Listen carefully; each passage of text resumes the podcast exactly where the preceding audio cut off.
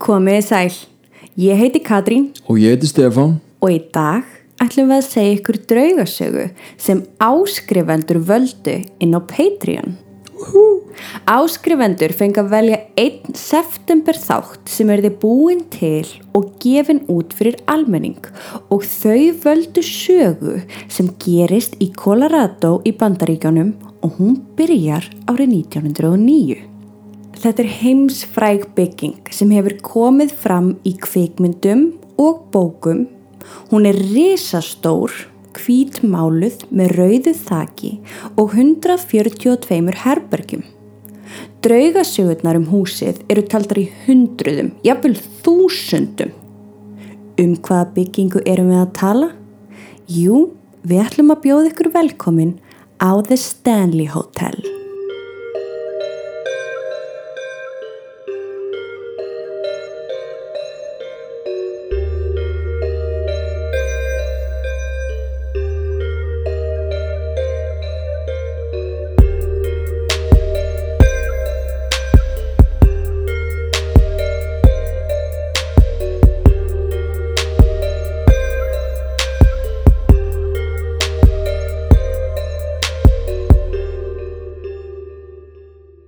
Frílan Óskar Stanley, maðurinn sem stopnaði Stanley hótelið, veikist mjög alvarlega af berglum árið 1903, þá 54 ára að aldri. Berglar allir miklum áhyggjum hjá almenningi og læknum út um allan heim á 19. öld en það var þetta bráðsmitandi sjúkdómur sem erfitt var að meðhandla. Þessi skæða bakterja kom sér oftast fyrir í lungum en gætt einnig haft áhrif á önnur líffari. Klassísk enginni var krónískur hósti sem gætt innialdið blóðugt slím, hiti, nætursviti og þingdartap. Berglar bárust á milli manna með lofti. Þegar aðili hóstaði, talaði, nerraði eða hrækti og þarna snemma á 19. áratögnum þegar frílan Óskar Stanley greinist voru ekki mörg úrræði í bóði. Honum voru gefnir sex mánuðir eftir ólifað. Livjameðferð við berglum kom ekki á borðu lækna fyrir um 1940 svo fyrir þann tíma voru berglar sama sem dauði. Það er ástæða fyrir því að við segjum Guð hjálpi þér þegar einhver hnerrar. En læknar gátt ekki setið ráðalöysir og mældu með mikið af fersku lofti, reyfingu, sóraljósi og góðum mataræði sem meðferð við berglum. Læknir Óskar Stanley ráðlagði honum að ferðast til Estes Park sem er 90 mínútum frá miðbæ Denver en þar var ferst og gott fjallaloft og afskaplega fallegt landslag og því þótti þetta vera í rauninni hinn fullkomni staður til þess að eigða sínum seinustu mánuðum æfinar. Læknirinn sá um að útvega þeim hjónum sumarhús í Estes Park og þangað fluttuðu Óskar og eiginkona hans flora um sumarið. Fljótlega fór Óskar að hressast og í kjölfarið urðu þau hjónin ástfangin af staðnum. Eftir sumarið ákváðu þau að setjast að á staðnum og byggðu sér hús en þetta hús er ennþá til í dag. Það er rúmlega 800 metrum frá Stanley hotellinu og er í enga eigu. Árið 1907 hafði Óskar náð sér að fullu og í þakklæti skinni vildi hann byggja hótel á staðnum og leifa fleirum að njóta ferska loftsins og fegurðinnar í Estes Park. Hann taldi það sömuleiðis vera ágætt fyrir bæjarfélagi í heilsinni að fá fleira fólk inn í samfélagið í rauninni þá vildi Stanley mm -hmm. að fleiri fengi að upplifa það sem hann upplifði það var, já, það var ekki algengt að fólk í rauninni læknaðist Nei. að verklum þetta var bara eins og þú sagðir, þetta var döðadóm já Framkvæmdir á Stanley hótelinu hófust. Viður og steinar fengust úr fjöllunum og skógi allt um kring. Húsið var byggt í Georgian stíl sem þýðir í rauninni symmetry og ballans. Já, akkurat. Árið 1909 var hótelið tilbúið og öllu hafði verið tjálta til.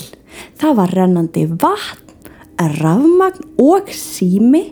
Það eina sem vantaði var hiti í húsið en þar sem hótelið átt að taka á móti gestum á sumrin þótti það verið lægi. Til að koma gestum til Estes Park og á Stanley hótelið frá næsta bæ Lyons í Colorado framleiti bifræðafyrirtæki Stanleys flota af sér hönnuðum gufuknúnum ökutækjum sem kallast Mountain Wagons sem gáttu tekið marga farþega í sæti. Hann er sniður, hann vil koma fólkið Já. á hótelið. Á þetta fáaða fína hótel og með stæl.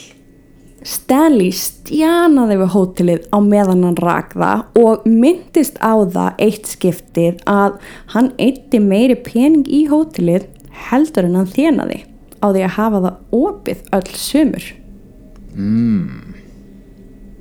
Við opnun var það talið eitt af fáum í heiminum sem var alfarið knúið með rafmagni en skortur á tiltæku afli var til þess að það þurfti að koma fyrir gashiturum líka í júni 1911. 25. júni, daginn eftir að fyllt var á gaskerfið á hótelinu, varð sprenging sem slasaði starfsfólk og eigðilagði hluta hótelsins þá aðalega vesturvæng og tjónið var metið upp á 10.000 dollara. Og viltu vita hvernig sprengingin átti sér stað? Segðu mér. Gasleki og eldspýta. Úf, Sprengingin sem fylgdi gerði gífurlegt gat á gólfið og mikið magnaf gifsi, timbri og öðru rusli fjall í borstofuna. Lizzie, starfsmæðurinn sem hafði kveikt á elspýtunni í sakleysi sínu inn í herberginu, fjall í gegnum gólfið en þó ekki alla leið niður þar sem hún kræktist í timbur í miðjufalli og hún hjekk þar þanga til henni var bjargað. Hún braut samt báða ökla og fekk slæman heilaristing. Hún var flutt á sjúkrahús í Longmont en hún hafði verið í vinnu á hótelinu allt frá því að það var byggt og var traustur starfsmæður sem snýri tilbaka þegar hún náði loksis bata. Tveir þjónar slösuðust einni í sprengingunni. Annar fór úr mjadmalið og hinn fekk timburbrak í andlitið. Borstofan var í rústi, tíu gluggar á fyrstu hæðinni brotnuðu, vestur vangurinn fór illa og nokkrar hurðar fuku af lömum. wow. Við erum að tala um stórt tjón Þetta var risastórt tjón á þessum tíma. og fjárháslegt líka. Mjög. Flora, eiginkona Stanley, hafði yfir umsjón með hótelinu og var yfir starfsfólkinu. Á þessum tíma sváfu hjón ekki saman í einu herbergi. Þú sagði mér þetta Stebbi. finnst mér rosalega skrítið.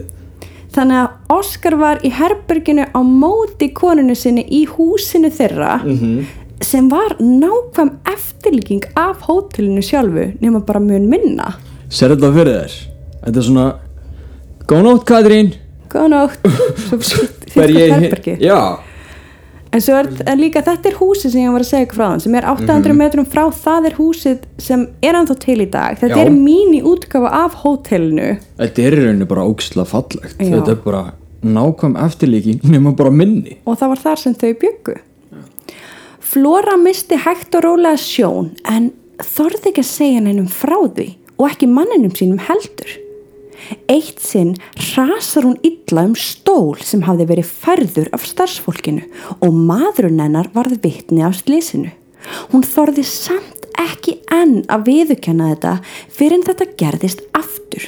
Hún var búin að leggja á minnið allar gönguleiðir en í þetta skiptið höfðu húsgögnin verið færð til aftur.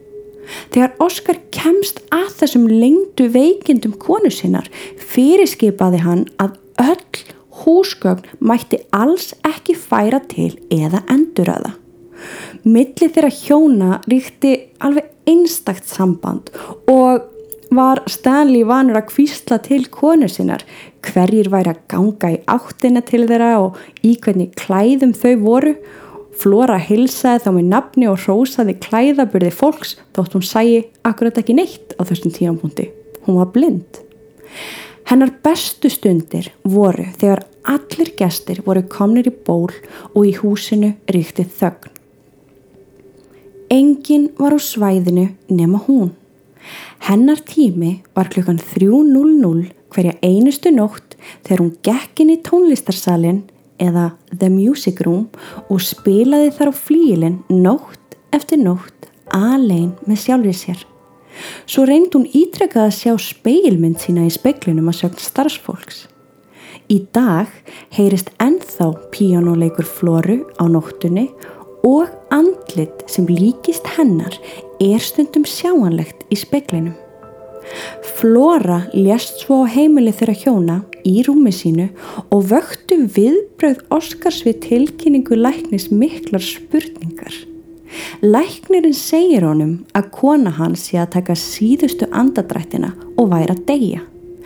Óskar svara lækninu með því að segja Segð henni að þetta er búið að vera gott allt saman hvort sem Oscar Stanley hafi verið búinn að eiga hverjustund með konu sinni mm -hmm. eða hann hafi verið raunni sorgar áfalli er ekki vita Nei, við svo sem gerum okkur ekki grein fyrir því hvað hvað gerðist það Nei, en þau greinláttu opaslega fallegt samband. En býta aðeins það sem vakti enn frekari spurningar var þegar að Stanley kom líki konu sinnar fyrir í íshúsinu svokallaða. Nei, að því þarna voru náttúrulega engir ískápar og, og í rauninu var bara stórum ísklökum komið fyrir í einu af húsunum og matur geimdi þar. Já, já, ok. Og þar geimdi hann lík konu sinnar í nokkra mánuði. Þar til veður leifði fluttning á leifum hennar til heimabæjar þeirra hjóna þar sem hún var svo jársetin ég meina Vá. á þessum tíma hvað getur þú gert? Já, ok, kannski var þetta bara veist, mjög eðlilegt að Sem- geim, geima mjölkina hliðin á Flóru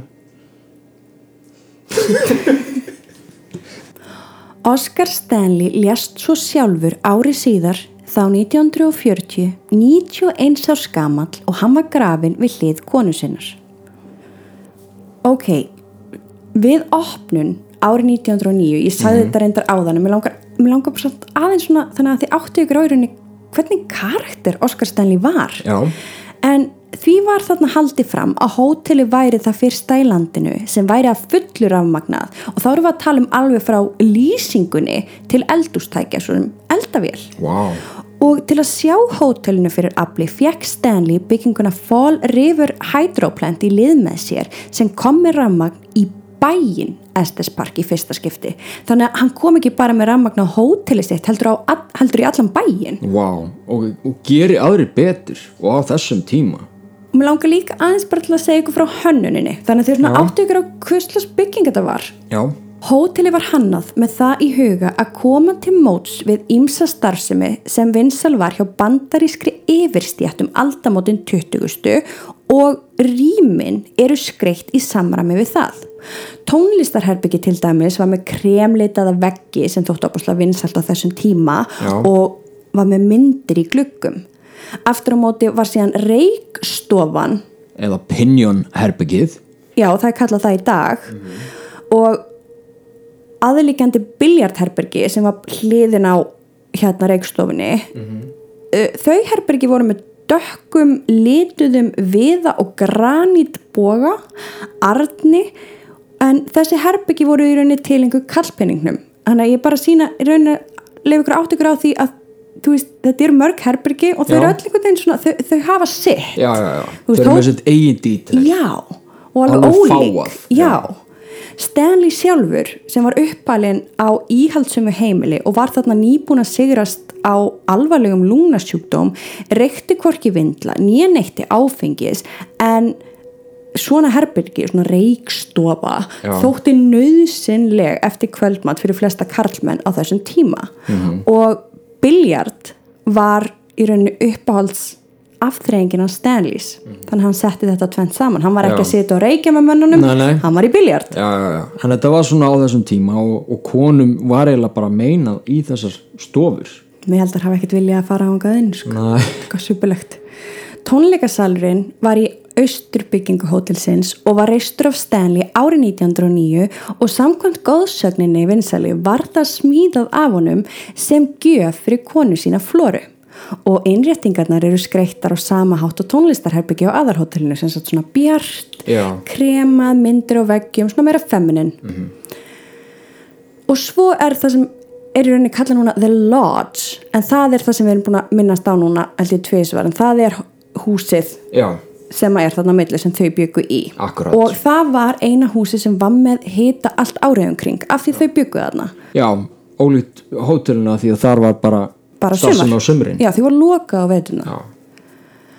við þekkjum öll kvikmyndana The Shining er það ekki? Að sjálfsögðu, meistaraverk í kvikmyndasögunni. Ef það er einhverjum sem er ekki búin að sjá The Shining. Þá hefur örgulega bara búið í helli. Já, en það eru eflust ekki allir sem að, að vita hvernig Stephen King fekk hugmyndina af The Shining. Hann skrifaði fyrst bókina og svo var myndin gerð undir leikstjórn Stanley Kubricks. alltaf þessi tilvílun að hann heiti Stanley Ó mm, ok, Sagan er þannig að í september árið 1974 mætir Stephen King og konan hans Tabitha á hótelið. Þetta er í september. Hótelið er bara opið á sumrin. Þau áttu ekki bókað herbergi og þeim var sagt að hótelið var að loka yfir veturinn. En þeim væri velkomið að tjekka sig inn ef þau gætu greitt með pening en það var búið að fara yfir uppgjör sumarsins. Já, Þau tóku því bóði og fengu liklana af herbergi 217. Þau voru látin vita af því að allt starfsfólk hafi yfirgefið hótelið til síns heima en það væru ennþá nokkrir á stjá að ganga frá og þau gætu að sjálfsög fengi kvöldmatt. ok Þegar þau ganga inn í matsalinn um kvöldið var búið að raða stólum upp á borð, greinlega búið að ganga frá öllu fyrir veturinn Já. en það var búið að leggja á eitt lítið borð fyrir þau hjónin. Eftir kvöldmatt var Stephen King að skoða sér betur um þannig að hann röldi um tóma gangana áður en hann lagðist til kvílu. King-hjónin sopna fljótt en Stephen er þó vakin upp af hræðilegri martröð þar sem þryggjóra sonur þeirra hjóna virtist vera að flýja eitthvað, hlaupandi um þetta sama hótel og eitthvað illt væri á eftir honum. Í martröðinni reyndi Stephen að ná til sonar síns og bjargonum. Klukkan var þrjú þegar hann vaknaði við þennan skelvilega draum. Hann fór út á svalir herbergisins og kveikti sér í síkarettu. Hann segir að akkurat á þessum tímapunkti hafa hann fengið hugmyndina af meistaraverki sínu The Shining. Kvikmynd hans eins og flestir vita var tekin upp í húsinu og er enn í dag talin vera eitt af hornsteinum kvikmyndagerðar í heiminum. Já, og það má geta þess að í öllum herbergjum hótelsins í dag er sérstök sjónvastöð þar sem kvikmyndin er spiluð aftur og aftur allan sólarhengin. Já, það, þú sagði mig það, það er ótrúlegt. En þetta er svolítið magna því að þarna eru þau tvö hjón þarna komin inn og það er alltaf loka, það er allir farnir heim og það eru fáir eftir. Þetta er alveg eins og The Shining byrjar. Nefnilega. Þetta er, þetta er örgulega svolítið creepy, tómt hótel og hvað þá þessi martröð sem hann var og fyrir þannig. Þessi mynd, The Shining, hefur náttúrulega gert hótelið ótrúlega vinsalt meðal túrista og að það náttúrulega að myndin hafi verið tekin upp á hótelinu Já. en það eru skiptar skoðanar á því hvað Stephen King fannst um þessa mynd Kubricks og þá langar mig sem svona kvikmynda gerða nörd aðeins að kafa smá dýbra í það af Ok. því að sko Stephen King var vanur að skrifa mjög sterka kvennkaraktera Já, hún er það alls ekki í The Shining. Eiginlega bara því miður þetta móti. þvert á móti. Og Stephen King var ekki hrifin af því. Hann var ekki ánæður að í rauninni hún hafi verið gerð svona veik. Já, í myndinni að þá það voru einhver atrið sem voru ekki tekin upp þarna á Stanley Hotelinu Kubrick Já. gerði það á einhverjum önsta sko þið, ég hef náttúrulega lært kvikmyndagerð og ég veit nákvæmlega hvernig Stanley Kubrick er og, er og, og, og Stephen King þannig að við tala um tvo risastóra karaktera. Mm, að þeir eru vinnið saman, ég skil Stanley Kubrick fer sína leið og ef þið viljið vita meira um þetta þá getið þið googlað þetta en hann var ekkit ánæður með, Með. Nei. og þess vegna árið 1996 Mhm. gerir Stephen King með Warner Brothers The Shining miniseries alveg rétt og í rauninni ættu þær frekar að vera vinsel spila já, fattar þau? ah, ekki myndin hans. Kubrick sko vegna þess að. Já, hann allavega, hann var ekki sáttur og hann gerir þá þessa, hina, þessa 1996 miniseries. já, en svo er þetta kannski oft svona með bókaútgefundur og svo kvikmyndagerðina Já, já, algjörlega. Þetta er- En ok, skeptiskir hlustendur gætu núna sagt að auðvitað eru búnar til draugasögur um hótelið sem The Shining var tekið upp á og það er alveg rétt. Og eflust að fyrsta sem maður hugsar hvort sem maður trúir eða ekki. Nákvæmlega. þetta er meira bara svona common sense. Hryllingsmynd var tekin upp þarna. Auðvitað eru búnar til draugasögur. En það sem fólk veit ekki endilega er að hótelið var komið með það orðspor að vera reynd löngu áður en Stephen King steg fæti inn í það. Nákvæmlega Þær sögusagnir byrjuðu sama ár og Oscar Stanley deyr árið 1940 og Stephen King kemur 1974 var það ekki Jú, þannig að þarf að tala um það búið að vera reynd á hótelinu í 34 ár cirka Já. áður en hann mætir á svæði Já, wow. það kemur kannski ekki á óvart að Stanley sjálfur hefur sérst oft á hótelinu og hann byrjaði að sjást nokkrum mánuðum eftir að hann dó og sérst enn í dag. Hann sést oftast í andirinu og í biljartherberginu sem var uppáhalds herbergið hans þegar hann var á lífi. Í eitt skipti sást til hans í leiðsöguferðum húsið þar sem hann stóð fyrir aftan einn hótelgestin en leiðsögumadurinn segir að hann hafi verið jafn skýr og hver annar. Barþjónar á hótelinu segjast sjá Stanley reglulega rölda um barinn en hverfa þegar hann gengur inn í eldús og eins og glöggir hlustendur tóku kannski eftir áðan þá myndist ég á það að enn heyrist í píanónu og næturnar og því er haldið fram að það sé hún flóra þannig að þau eru bæði enn á hótelinu. Þótt Overlook Hotel frá The Shining sé skaldskapur eins og personurnar að innan er herbergi 217 vinsælasta herbergið á hótelinu. Það er auðvitað herbergið sem Stephen King svaf í. Ég get fullvisað ykkur um það að það er engin kona í baðkarinu eins og í myndinni. En herbergið er talið vera það reymdasta í byggingunni. Þið muni eftir Elizabeth sem datt í gegnum gólfið og braut báða ökla í sprengingunni 1911. alveg rétt Það gerðist í herbergi 217. Hún kveikt á elspytunni þar og datt í gegnum það gólf. Það sem fylgdi ekki sögunni áðan var það að hún starfaði á hótelinu allt sitt líf og það virðist vera að hún starfi þar ennþá. Starfsfólk hefur séðana ganga frá hlutum inn í herberginu og gestir hafa kvartað undan því að hlutinni þeirra séu færðir til. Farangri hefur verið pakkað niður og kveikt og slögt er á ljósum. Elizabeth er mjög gamaldags. Hún er ekki aðdáandi ógiftra gesta sem sofa í sama rúmi og því hafa nokkur pör greint frá því að hafa orðið vart við kallt loft eða afl koma á milli sín upp í rúminu. Þegar þau vakna komast þau ofta því að hlutum mannsins hefur verið pakka niður og farangur hans raðað upp við dyrnar. En það er önnur saga sem vakti aðtegli mína þegar ég var í rannsóknarvinnu um hótelið og að mínu mati er hún svo óhugulegasta. Það var niðdimm nótt að hausti til árið 2008. Maðurinn sem svaf í rúminu inn í herbergi 217 vaknar við það að konan hans er að læðast úr rúminu. Hann snýr sér aðinni og sér hann að sitja á rúmgablinum og hún snýr baki í hann. Hún stendur síðan hægt upp og gengur að glugganum sem snýr út í gardin. Hún opnar hann og ískaldur gustur kemur á mótenni og inn í herbergið. Gusturinn var það mikill að hárið á henni fauk frá andlitin hennar.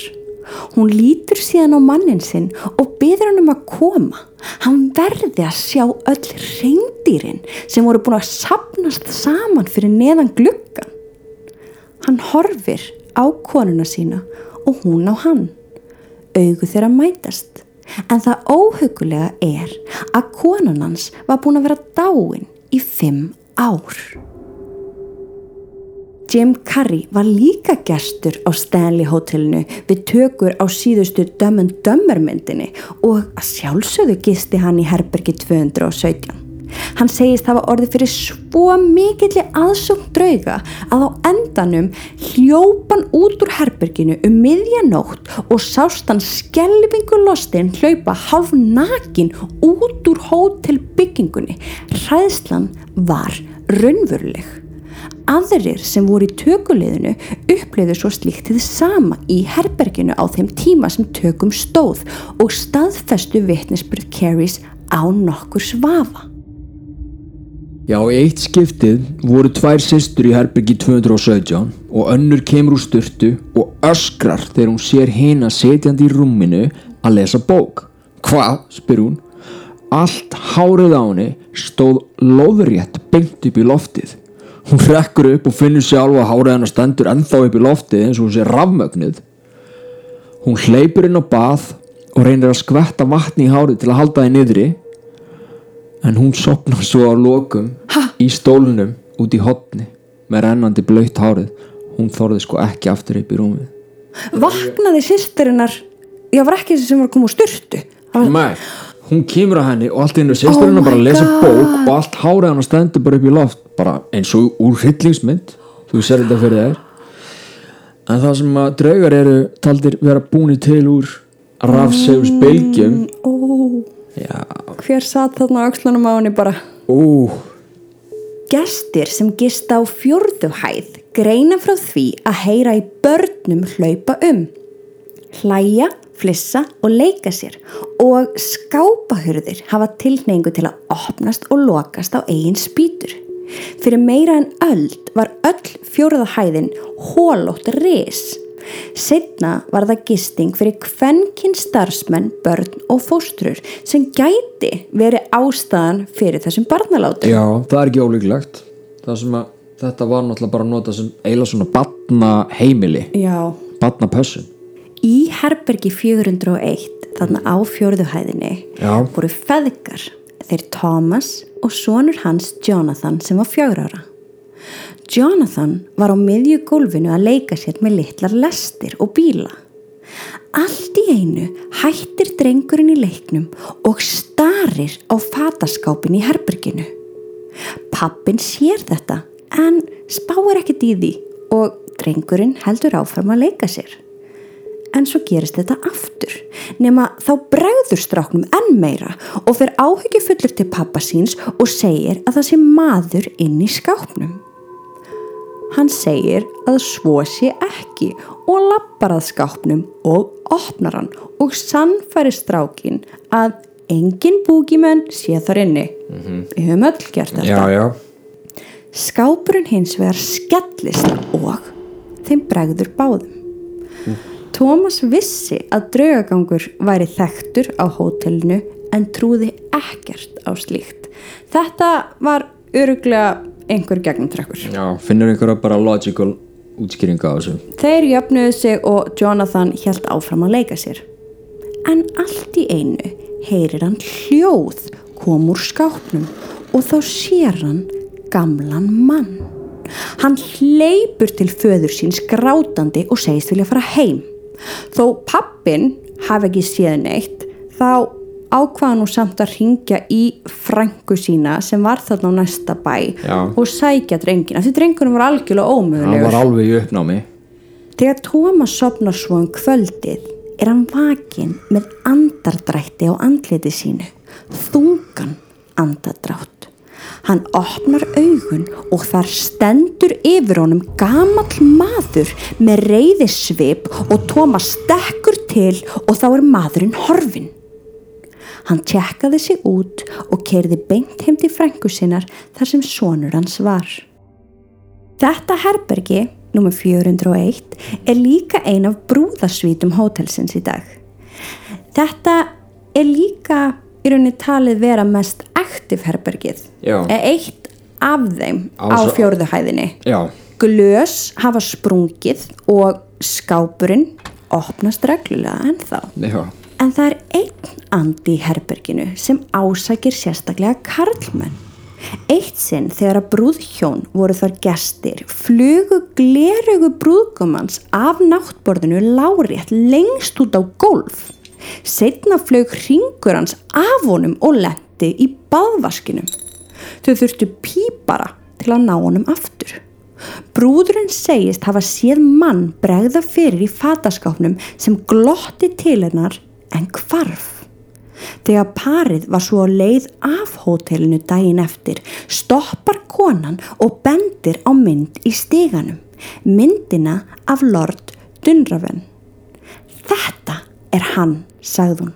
Þetta er maðurinn sem ég sá í herbyggin okkar.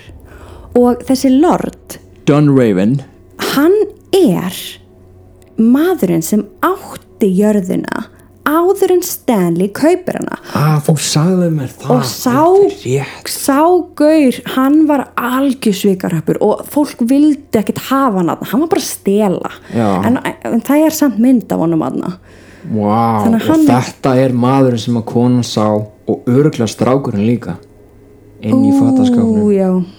Höldum okkur áfram á fjórðu hæðinni. Herbergi 418 fær líka mjög margar tilkynningar þegar að kemur að draugagangi eða látum sem virðast vera frá öndum barna. Ræstitæknar á hótelinu hafa oft orðið varið við undarlegan háfaða frá herberginu auk þess að sjá andlit liggja á kotta í rúminu þegar herbergið hefur verið tóm Úf, vá. Þó nokkuð margir gestir hafa heyrt í börnum fram á gangi og eitt sinn var par sem tekkaði sig út snemma og kvartaði yfir því að börnin á ganginum heldu fyrir þeim vöku alla nóttina. En það voru engin börn bókuð á hótelinu á þessum tíma. Úf, gæsa húð Ef við tölum bara svona smá okkar á milli þá er það bara alls konar draugagangur. Við erum að tala um sko residual, Intelligent saman. þetta er bara saman sapn en það er líka talið þó ég hef ekki skrifað það, það er náttúrulega talið að sko hérna að stígin í hótelinu sé í rauninni ákveði porl Það er einmitt það sem ég ætla að minnast á sko. Það er ákveð vortex sem er talið vera þar í stegaganginu Já. og að það sé í rauninu bara opin gátt fyrir drauga til þess að koma inn og út og inn og út og alls konar orku góða og slæm. Sem ég get alveg trúað sko. Já, með að rauninni hvað er opuslega mikið aktiviti hérna. Já og þú sér líka þú veist, þetta, er, þetta er byggt hátt upp í fjalli. Já. það er rosaleg orka sem er komið inn á þetta svæði mjög snemma og er rauninu bara hlaðið upp þetta, þetta náttúru svæði og þú veist hvað er hérna undir hótelinu? Býtu, ég hef búin að glemma því hvað það? Það er semst óvenju mikið magn af limestone. Já, alveg rétt stone tape theory. Stone Tape Theory. Ah, ég hef búin að gleyma því. Við höfum útskýrt þessa kenningu alveg í nokkrum þáttum þannig að hérna, vonandi vitið þið sirka bara hvað það er núna. Ef, ef þið vitið ekki og hafið áhuga googliði Stone Tape Theory. Þetta, þetta hefur áhrif. Í oktober 2007 tjekkuðu sinna hótelið kona að nafni Elizabeth. Aftur Elizabeth Ú. Við erum með Stanley, Stanley Elizabeth. Elizabeth og Lizzie, wow, ok, ok. Og drengirnir hennar. Mhm. Zack sem var 16 ára og Jakob sem var 12 ára. Og mammina var líka með. Já, Elizabeth var ein í herbergi 236 á annari hæð en var með opið á milli í annað herbergi þar sem Zack var Já, svona var- sameiginlegt Já, þetta var Já. sameigilt herbergi og hans herbergi var nummer 234 Amman og Jakob voru síðan í herberginu á móti þau eru að græja sig í háttin þegar þungt bank heyrist í vegnum milli maðginana og Zack potar höfðinu svona inn til mömmu sinnar bara hvað? Mammans horfir á hann Hva? Þetta var ekki ég, segir hún Zack, 16 ára úlingurinn ránkvolfur augunum til móðu sinnar og fer aftur inn í sitt herbergi. Elizabeth sopnar um tíuleitið en vaknar um miðnætti við það að 16 ára sonur hennar er skjálfandi og skrýður upp í rúm til mömmu sinnar. Hann hafði ekki gert það í 14 ár. Hann var greinilega logandi hrættur og ískallt en þau sopna Elizabeth vakna við það að Jakob, yngri sonur hennar, er komin inn í herbergi til hennar og er spenntur yfir morgumatnum, bara vekja mömmu sína. Æðlilega Sekk er horfin, en hún hafði ekkert heyrt í honum fara aftur inn til sín. Þau kíkja til hans, þá liggur hann sofandi í rúminu en það var búið að pakka honum inn þannig að öll sængin var undir dínunni á alla kanta, þétt við líkamanns og hann í rauninni bara svolítið fastur. Já. en hann var sofandi. Það var ekki nokkur leið að hann hefði geta gert þetta sjálfur. Og Elizabeth var ekki að gangi í svefni og gera þetta. -hmm. þau vekja Zack og halda bara niður í morgumat og setna segja þau frá því að þau gátu hleyið að þessu. Eftir á að því að þarna var greinilega á ferðinni bara eitthvað svolítið hugulsamur andi sem vildi ekki að Zack er kall Næ og ég meina hversu fallegt? Og ég meina bara gaman að þau geta hleyja þessi í dag. Já. en hversu creepy samt að vera ég sé þetta fyrir mig þú bara pakka þér inn Já. og þú ert svo þéttur bara eins og þú veist, bara eins og þú ert að búa um rúmið. Já, svo, einmitt ekki pekkaður skamt undir þig, þú veist, eins og við pökkum strákunum Nei, nei. heldur, þú veist, undir dínuna undir dýrin og alla kant þú, þú getur það ekki sjálfur. Það er ekki hægt.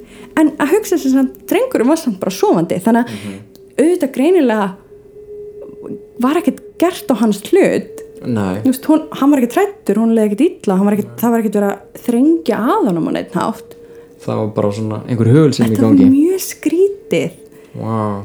en á svona stórum stað og á svona frægu hóteli eru þetta búið að taka fullt af myndum. Og það er alltaf gaman og ég vona því að við gaman að því líka það er alltaf gaman að skoða myndir þar sem eitthvað dulafullt er, já, er í gangi og maður getur alveg dottið inn í þessa hóli og bara skoða og skoða og skoða en við skulum finna svona þær myndir sem okkur finnst hvað áhugaverðast þar. Já og meðal annars þarna á fjóruðhæðinni þar er frægmynd það sem er tekin af einhverjum strák Já. sem að stendur alltaf í enda gangsins. Já, og hann sést alltaf á svipum tíma og þá tekur hann þá er hægt að taka mynda á honum. En það er þá greinlega residual það sem að þetta er bara svona lúpa sem að sést aftur og aftur. En jú, það er rétt sem hún nefnir. Það eru fjölmargar myndir sem hafa verið teknar þarna og við skulum endilega bomba þeim öllum inn á draugasögu.com og endilega talið um þær. Segja okkur hvað ykkur finnst. Það er alltaf holdt að horfa á hluti frá öllum sjónarhornum og kannski sérstaklega þegar við erum að fjalla um hvað gerist eftir að þú deyrð. Það er allt í lægi að vera skeptiskur yfir þeim sögum sem við segjum. Því munið allar þessar sögur eru sannar. Þær gerðust fyrir alvöru fólk. Þetta er ekki tekið úr einhverju skáldsögu og það er ekki hægt að neyta fyrir það að þetta er forveitinlegt eins og með þessa stóru byggingu Stanley Hotelið þar sem endalust streymir af fólki alls konar fólki alla daga, allt árið um kring og að fólk sem þekkist ekki neitt sé að upplifa svipað á hluti og verða fyrir sömu reynslu án þess að vita af hvort öðru þetta eru allt og mörg vitni til þess að taka ekki mark á þeim Stanley Hotelið er í dag einn helsti áfangastæður fyrir paranormal investigators, rillingsaðdáðendur og náttúruunendur. Þú þarft ekki að gista til að upplifa allt sem hótelið hefur upp á að bjóða. Ferðir er í bóði daglega og hver veitingastæður, bar, sapn eða heilsulind býður upp á einstaka upplifun. Ef þú ert nógu hugrakkur til þess að koma í heimsókn býður Stanley eftir þér með opin faðminn. Þú veist Debbie að hérna þeir sjáum brúðkaup. Það er spurning hvort við látum púsa okkur saman aðna og eigðum kannski brúðkaupsnóttin í herbyggi 217. Þetta er game? Ég er svo mikið til, allan ekki 401 Nei, Nei. ekki þar. Mér, mér er bara að pakka saman og, og, Hent ski, út. og skilið eftir í ferðartösku